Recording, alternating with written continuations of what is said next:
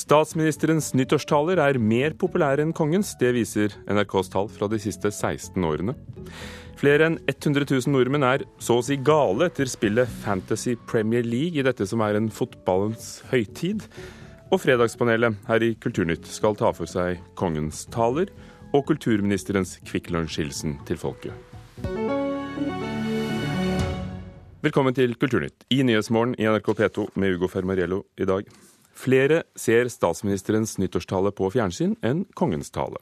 Siden år 2000 har i underkant av 700 000 seere sett kongens taler.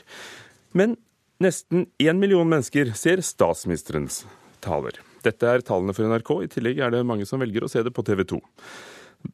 Nå er statsministerens nyttårstaler samlet i en ny bok av en av Norges mest erfarne taleskrivere, og vi har gått tilbake til arkivet og hentet den eldste av de bevarte talene.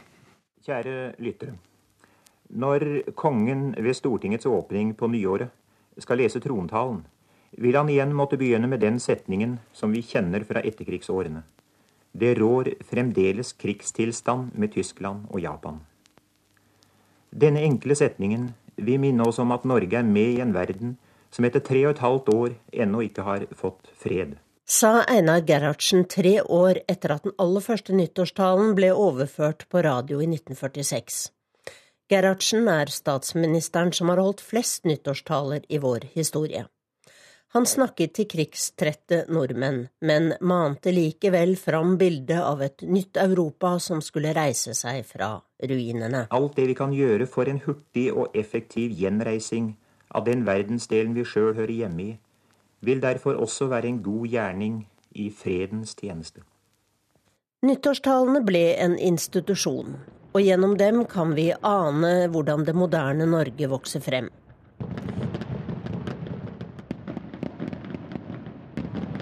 Talene varsler årsskiftet, de ser tilbake, og de ser fremover. 14 statsministre har vi hatt siden slutten på andre verdenskrig. De har skrevet taler selv, eller de har fått andre til å skrive dem for seg. Og noen av metaforene har forfulgt dem i årene etterpå, som Stoltenbergs i 2007. Da president Kennedy sa at amerikanerne skulle lande på månen innen ti år, hadde ikke amerikanerne vært ute i verdensrommet. De kom til månen innen ti år. De satte seg mål, og de nådde målene.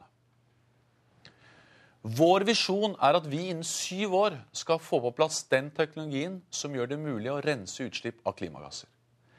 Det blir et viktig gjennombrudd for å få ned utslippene i Norge. Og når vi lykkes, tror jeg verden vil følge etter. Dette er et stort prosjekt for landet. Det er vår månelanding. Månelandingen viste seg å være et luftslott. Et fullskala renseanlegg for CO2 i Norge har ennå ikke landet i 2016. Men talene har kommet og gått. Noen formuleringer har fått evig liv, og noen ble kåret til årets nyord, som denne formuleringen fra Erna Solberg i fjorårets nyttårstale.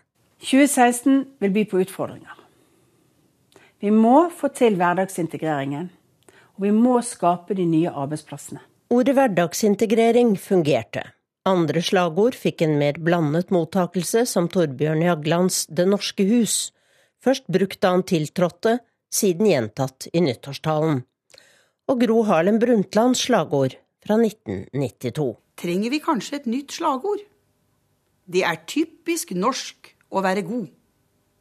Det var Gro Harlem Brundtland i 92, reporter Tone Staude.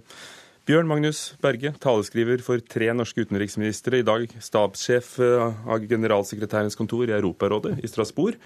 Og det er du som har samlet statsministerens nyttårstaler gjennom 70 år. Hva gjør at det er disse ordene vi husker av alle Gros taler?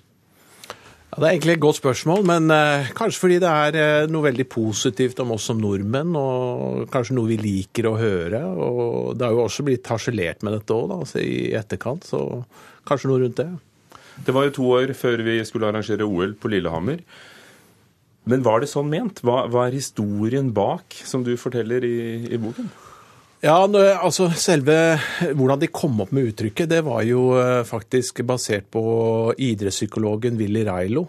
Uh, som hadde jobbet tett med Grete Waitz i flere år. Og han hadde prentet inn i Grete Waitz da, dette med å være best når det gjelder, og typisk norsk å være god osv. Så, videre. så det var faktisk noe de lånte fra han. Uh, og som du sier, så var det da to år før vinter-OL på Lillehammer. Og når jeg intervjuet Gro Harlem Brundtland om dette, så la hun også veldig stor vekt på dette med at det var to ting, egentlig. Det ene var at nå skulle Norge vise seg som en flott vertsnasjon for OL på Lillehammer. Og det andre var at vi hadde store idrettslige fremganger. Og hun ønsket da altså at nordmennene eh, skulle da vise seg fra sin beste side. Så det var litt i den inspirasjonen at hun kom opp med uttrykket. da. Men taleskriveren selv sier i boken din at det var ironisk ment, men slik ble det ikke på lufta? Nei, det gjorde det ikke. Eh, Gro tok dette veldig alvorlig, og, og det, var, hun, hun, det, var, ment opprinnelig at hun skulle si det med et smil rundt munnen, men det gjorde hun ikke. Hva er en god nyttårstale for en statsminister? Det er en tale som uh, samler, som inspirerer, og også gir mennesker håp. Erna Solberg skriver i, i, i forordet at det er et av de få stedene hvor, eh, hvor eh, en statsminister og en politiker får tale uavbrutt og henvende seg direkte. Det stemmer jo ikke lenger med sosiale medier. Eh, og etter hvert som ganske mange unge slutter å se på gammeldags fjernsyn, vil også nyttårstalene miste sin kraft? Jeg er ikke sikker på det. det er, på en side kan du si at det er en, en, en, sjanger fra en tidligere tider. Uh, og du kan jo tenke deg hvor viktig dette var uh, når man satt og lyttet på radio etter krigen i 40-, 50-tallet, 60-tallet. Uh, men selv i dag så er det jo en fantastisk tradisjon. Og jeg er helt enig med Gro, som sier at dette er jo en, en unik mulighet til å virkelig adressere hele folket. Eh, uten å bli avbrutt. Eh, ja, rundt en kvarter. Men hvis unge mennesker slutter å se på den type overføringer, hva da? Hva skal en statsminister gjøre da? Jeg tror kanskje at eh, det kan brukes i ulike sammenhenger i sosiale medier, som mange, veldig mange unge følger i dag. Man kan, man kan, om de ikke ser hele talen, kanskje de kan være klipp fra talen. Og, så jeg tror fortsatt den har en, en viktig rolle å spille. Bondevik nevnte sin egen sykdom i nyttårstale. Når var det individet, enten eh, ministeren selv eller, eller, andre, begynte å få en plass i, i denne typen taler? Det er et veldig interessant spørsmål. fordi det første, Vi snakker gjerne om hverdagseksempler og trekker fram enkeltindivider, som du sier. Og det var faktisk eh, Einar Gerhardsen eh, i 1950, var det vel, som for første gangen eh, trakk fram eh, et individ. Og det var direktør Ingemann Torp Eh, på Nybø fabrikker i Trondheim. Og det var etter en voldsom brann på denne fabrikken, da, hvor de hadde gjort en fantastisk innsats i etterkant på å få startet igjen produksjonen og, og satt det hele i gang igjen. Og Siden så har det jo vært veldig få hverdagseksempler, eh, enkeltpersoner, eh, som har blitt nevnt.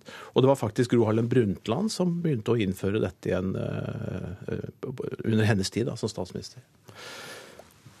Først kommer kongen til å tale i morgen kveld, og så er det statsministeren på nyttårsdagen. Hvilke forventninger har du til, til årets taler? Nei, jeg tror uh, Erna Solberg hun er jo en, en, veldig dyktig taler. Og hun har en evne også til å sette fokus på to-tre viktige spørsmål og saker, temaer. Så jeg forventer vel at det blir uh, noen av de store sakene som folk har vært opptatt av i løpet av siste året. Men som taleskriver selv, hvor mye bestemmer kongen eller Erna Solberg av det som blir sagt? De bestemmer egentlig alt, men uh, taleskrivere de, de, forsøker å gi gode innspill. Da. Så Takk skal du ha, Bjørn Magnus Berge, som har samlet statsministerens taler gjennom 70 år.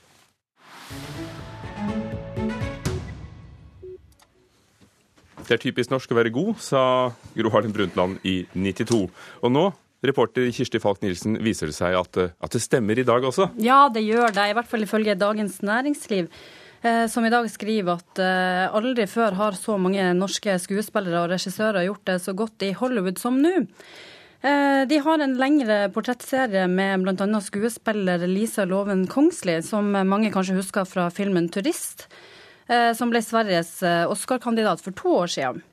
Hun har også spilt i Fatso og Knerten, og i 2017 så trippeldebuterer hun i amerikansk film. Hun sier sjøl at eh, en av grunnene til at norske skuespillere og regissører gjør det så godt i USA nå, det er at de har laga mer som de er stolt av fra før. De har mer selvrespekt og ryggrad når de kommer dit. Og så er det ikke bare lenger Hollywood som definerer hva som er bra, sier hun. Og Det står jo i sterk kontrast til det filmprodusent Åge Aaberge opplevde på 80-tallet, da han ble kasta ut av en taxi på vei til Fornebu. Eh, fordi han fortalte til sjåføren at han jobba med norsk film. Vi har jo hørt om eh, mange kjente skuespillere og artister som har eh, dødd det siste året. Men her er det noen som tar grep?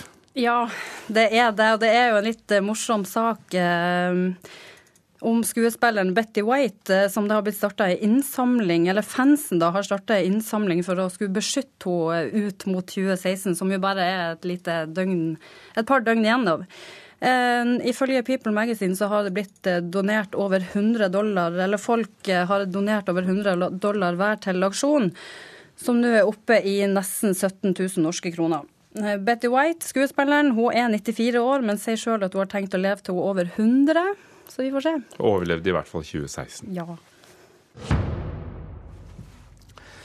Det skal handle om fotball igjen. Fantasy Premier League spilles av 4,2 millioner mennesker over hele verden, og over 100 000 av dem er norske. TV 2, som har rettighetene til å sende Premier League i Norge, varsler nå en økt satsing på dette populære spillet. Det er romjul og god stemning på fotballpuben Pokalen i Oslo. Særlig fordi Liverpools Roberto Firmino akkurat skåra mot Stoke. Men temmelig mange av de som er til stede, er mer opptatt av noe annet enn hvem som vinner kampen. En av dem er Rikke Askersrud, som er aller mest opptatt av spillet ved navn Fantasy Premier League. Det er et spill som har rot i virkeligheten. At det er et spill, men så skjer det på ordentlig. Hele 110 000 nordmenn er engasjert i Fantasy Premier League. En kolossal økning fra fjoråret. På verdensbasis er det 4,2 millioner som konkurrerer med hverandre. Og slik er reglene. Når du har oppretta et eget lag, får du utdelt 100 millioner pund i startkapital. Med de kjøper du et lag med spillere fra ulike Premier League-klubber. Laget ditt får poeng ut ifra hvordan spillerne dine presterer i reelle kamper. Altså om du har kjøpt Zlatan Ibrahimovic til ditt personlige lag, så får du også masse poeng hvis han skårer hat trick. Og Du kan også skåre mye poeng for dine forsvarsspillere dersom de ikke slipper inn mål. Veldig mange konkurrerer mot vennene sine i lukka ligaer. Gjerne med en liten pengepremie i potten. Jeg føler meg litt ekstra smart eh, når jeg har spillere som gjør det bra, som ingen andre har sett at det er bra. Og skuddet! 1-0! TV 2 har rettighetene til den engelske toppligaen i Norge, og innser at spillet Fantasy Premier League er viktig for å øke og opprettholde folks interesse for kampene. Vi har fått veldig påtrykk som på en måte tvinger oss til å utnytte det potensialet og, og lage mer fantasy-relatert innhold. Så Det håper vi vil komme, å komme i gang med. Det sier TV 2s fotballsjef Eistein Tue. Vi har en formening om at flere av våre seere nå ser flere kamper, for de vil følge sitt lag og sine spillere som de har på sine fantasy-lag. Det siste kan Martin Sleipnes skrive under på. Han er programleder i et eget Fantasy Premier League-program som heter Wildcard FC. Han tror at det offisielle Fantasy Premier League-spillet er gull verdt for å øke interessen for engelsk toppfotball vi er jo på en måte annonsørenes drøm. Vi, vi, som spiller fantasy, for vi vil jo se alle kampene. Sleipnes innrømmer at han bryr seg mer om fantasy-laget sitt enn favorittlaget Chelsea. Hvis jeg, hvis jeg vinner fantasy, da har jeg på en måte fortjent og gjort noe sjøl for det. Så jeg, jeg, har faktisk blitt sånn at jeg, jeg bryr meg mer om hvordan fantasy-laget mitt gjør det, enn hvordan fotballaget mitt gjør det. Og det er ganske trist og trist. Men det er også artig. Og reporter var Oddvin Aune, som til orientering har 1049 poeng i Fantasy Premier League. 17 minutter over åtte, du hører på Nyhetsmorgen i NRK. Overskriftene i dag. Russland truer med å stenge skole for diplomatbarn, som svar på at USA utviser russiske diplomater. Våpenhvilen i Syria ser ut til å holde. Avtalen ble fremforhandlet av Russland og Tyrkia og trådte i kraft fra midnatt. Og flere utlendinger blir tvangsutsendt fra Norge enn noensinne, men regjeringen når likevel ikke målet om å sende ut 9000 før nyttår. Fredagspanelet er samlet i Kulturnytt. Velkommen til Bjørgulf Vinje Borgenvåg, kommunikasjonssjef i Norsk Lektorlag.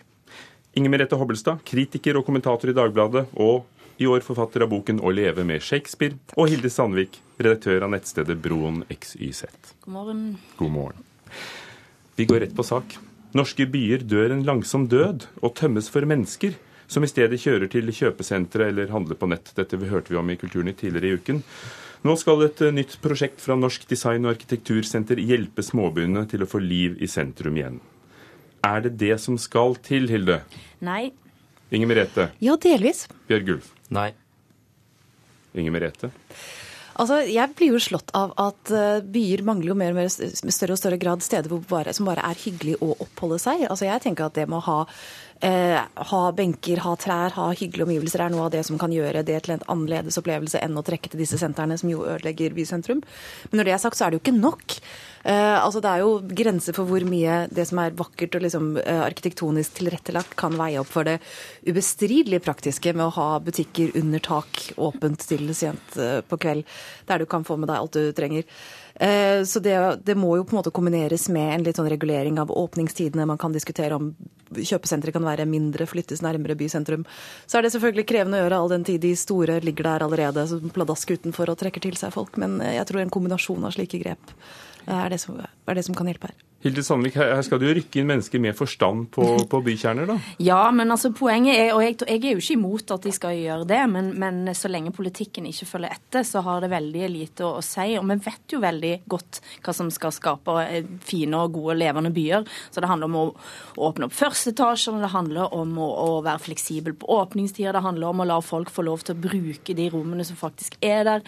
Og altså, kikke på hva er det som skjer i Berlin, hva er det som skjer i en del danske byer, f.eks. Altså, det er fryktelig mange grep som du faktisk vet er med på å lage levende byer, eh, men som ikke er mulig fordi at politikken og reguleringene er sånn som de er i Norge. Og det er, Skal du gjøre noen ting med sentrum, så må du faktisk røske opp i politikken først. Bjørgulf Vinje Borgundvåg, dette kan jo du litt om, fordi du har jo vært aktiv i politikken, bl.a. som statssekretær. Er det, er det politikerne eller arkitektene som må på banen? Ja, Svaret er vel ja takk, begge dere lite grann. Eh, det var en reportasje i NRK for litt siden om dette her, og da var det en ekspert som dere snakket med som mente at det hadde ikke vært noe helhetlig byplan noe sted. Og det er jo med respekt å melde en litt drøy påstand, fordi det finnes jo kommuneplaner som skal ordne opp i dette her, med arealplaner osv. Men noe av kommunepolitikernes problem er jo det som Kissinger hadde. Han skal ha sagt når jeg skal ringe Europa, hvem skal jeg snakke med? Eh, og når de skal utvikle et bysentrum, så er det veldig vanskelig å finne én felles stemme for de som er i det byrommet. Det er ikke bare handelsstanden, det er mange flere. Og det er noe av problemet for politikerne å lage en struktur der hvor alle de som skal være med i det bysentrumet, får én stemme. Sånn at de kan få en god utviklingsprosess. Og så sa jeg nei fordi jeg heller ikke tror at et pilotprosjekt i tre kommuner kan snu dette her. Men jeg skal heie på dem og håper de lager en stor nok snøball at dette kan rulle innover kommunepolitikere, så de tar alvor innover seg. Men Skal vi tvinge folk til, til, å ikke kjøre ut og handle på et vinmonopol som for lengst ligger på et kjøpesenter ute på et jorde? Eh, nei, altså man må jo gjøre det mer innbydende og mer praktisk å dra, å dra andre steder. Og det er jo, jeg er jo helt enig i det som blir sagt her, og hvor viktig det er å få flere stemmer inn i en slik samtale. fordi det som skjer når utbyggerne blir for tungt til dette, så får du f.eks. Ikea lagd på matjord. ikke sant? Og du får, eh, altså du får skapt en verden der du nesten tvinges ut av bykjernen, fordi det er så åpenbart eh, mer praktisk. Eh, og da må man få lagt opp slik at man kan få gjort det samme eh, i omgivelser der det er litt sånn nærpolitisk mer hensiktsmessig at du gjør det. Var det matjord, eller var det Ikea som fikk deg til å rekke opp hånden, Borgenvåg? Nei, det var parkeringsplasser, egentlig. Mm. Fordi at eh, En av grunnene til at folk drar på kjøpesenter, er jo at det er praktisk. Og Så lenge vi tillater at kjøpesentrene der kan du få parkere gratis, men i bysentrum der skal alle for, bilene forbys. Vi må akseptere at lavutslippsbiler er en del av dette her. Sandvik, må... du har jo et nordisk perspektiv. Ja, nei, men altså det igjen så tenker jeg at det er går an å reise rett over kjølen.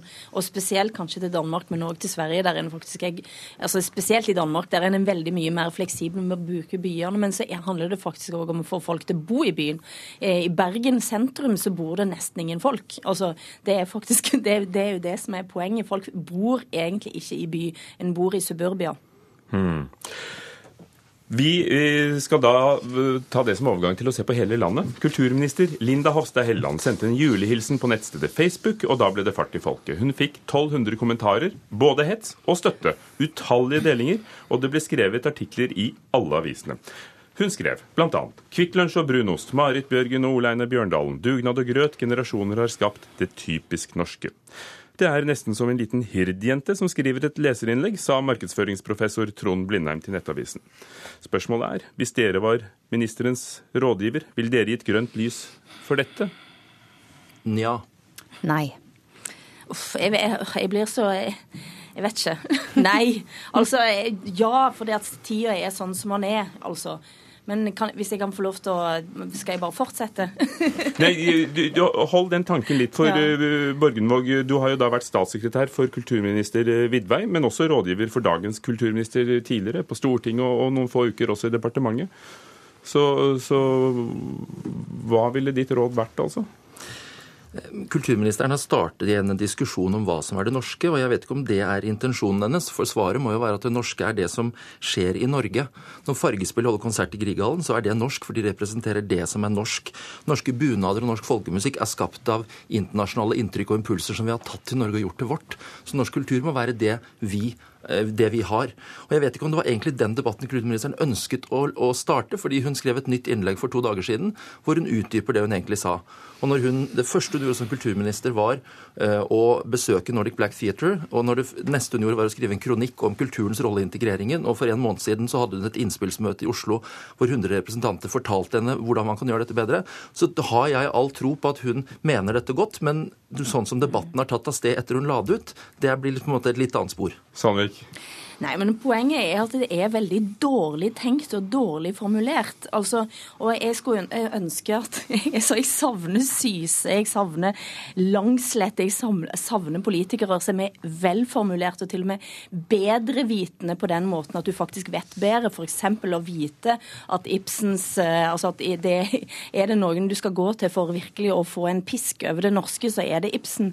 Eh, og, og, og nå er vi da altså inne i en tid der, der en sånn nokså ubehjelpelig oppdatering på Facebook havner inn i politikken. Og det kjenner jeg at jeg blir litt sånn trist av. Og så samtidig så er det noe med, med, med virkemidlene òg, når Trond Blindheim kaller dette for en hirdjente osv. Så, videre. så innvarsler det et polarisert debattklima som er ganske ubehagelig.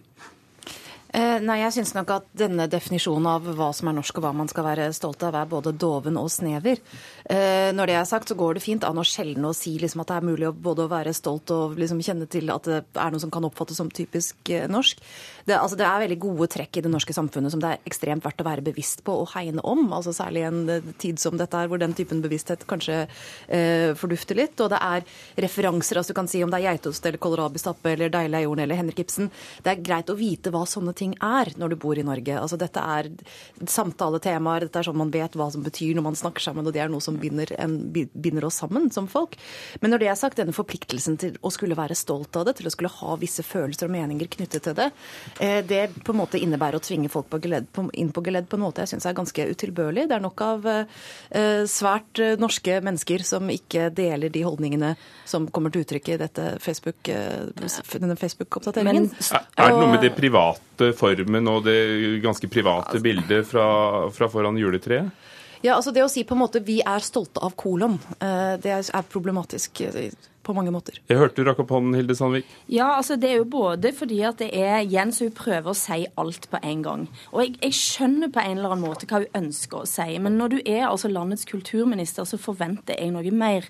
Jeg forventer òg at du tenker tydeligere og klarere gjennom hva det er slags eh, budskap du egentlig ønsker å formidle. Og det virker som det kommer overrumplende på nå, og det syns jeg er litt skremmende. Ja, men jeg synes at Vi må kvitte oss med berøringsangsten, så at vi ikke kan si at noe er norsk fordi Ja, vi ikke tar med alt som er der. Jeg er Altså, helt enig. Altså, jeg, synes jeg er helt enig i det.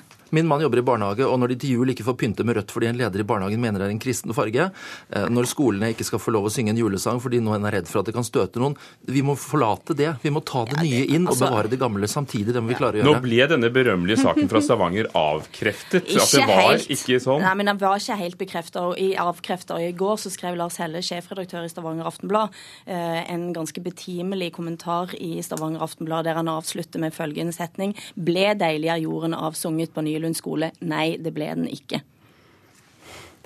Eh, nei, altså Det som sies her, er det jo ingen i hvert fall i dette panelet tror jeg, som er uenig i. Altså Jeg tror de fleste her tenker at man skal kunne synge 'Deilig er jorden' dette, men det er, det er ikke det vi snakker om. Det er denne forpliktelsen til å være stolt av noe, og til å være stolt av et sett med uh, gjenstander og holdninger. Og det syns jeg man skal være litt forsiktig med når man har en representativ rolle på den måten. Men jeg syns det er morsomt at det er Klassekampen som på lederplass skriver at kulturministeren nesten må få lov til å si at hun liker landet, kjerka og julesalmer, og at de som syns det er kleint, kan bla videre. Mens Aftenposten er mer kritisk. Jeg syns egentlig ikke det. Jeg tenker at dette innvarsler Senterpartiets år.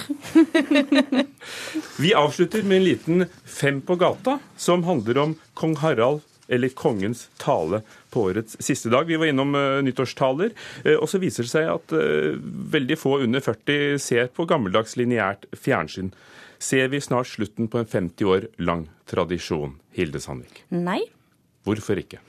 Fordi jeg tror at vi har et behov for et slags form, et leirbål. Og det er det kanskje nærmest en kommer, et slags leirbål på nyttårsaften. Og så tror jeg at den type tradisjoner kommer til å leve så lenge vi har kongehus. Altså Det kan jo være kongehus blir avvikla. Inger Merete Hobbelstad. Eh, nei, og egentlig av samme grunner som eh, Hilde sa nå. Altså Det at man nå sitter rundt leirbålet til forskjellige tider, eh, eh gjør, ikke at, ikke, altså, gjør fremdeles at leirbålet betyr noe. Altså Det gjør ikke at det er mindre viktig. Vi trenger fremdeles den felles referansen som gjør at man kanskje er en del av den samme samtalen. Det ser man jo dessverre stadig mindre grad. Bjørgulf Vinje Børgenvåg. De politiske omveltningene som skjer i Europa og verden nå, viser kanskje at de samlende institusjonene som kongen og statsministeren står for, er viktigere enn noensinne. Så da vil jeg bare si det Hilde og Inger Merete sa. Hvordan har det seg at kongens tale som han holdt under hagefesten, slo sånn an på en måte som nyttårstaler sjelden har gjort? Det kom, Grip ordet. Det kom fra hjertet. Ja, det, altså det appellerte til en slags, det appellerte til veldig mange som kan, kunne kjenne seg igjen i en av setningene. For det var jo òg veldig mange, mange, setninger der, og, om mange typer mennesker å være. Men sosiale medier har altså ikke helt overtatt for det kvarteret på TV?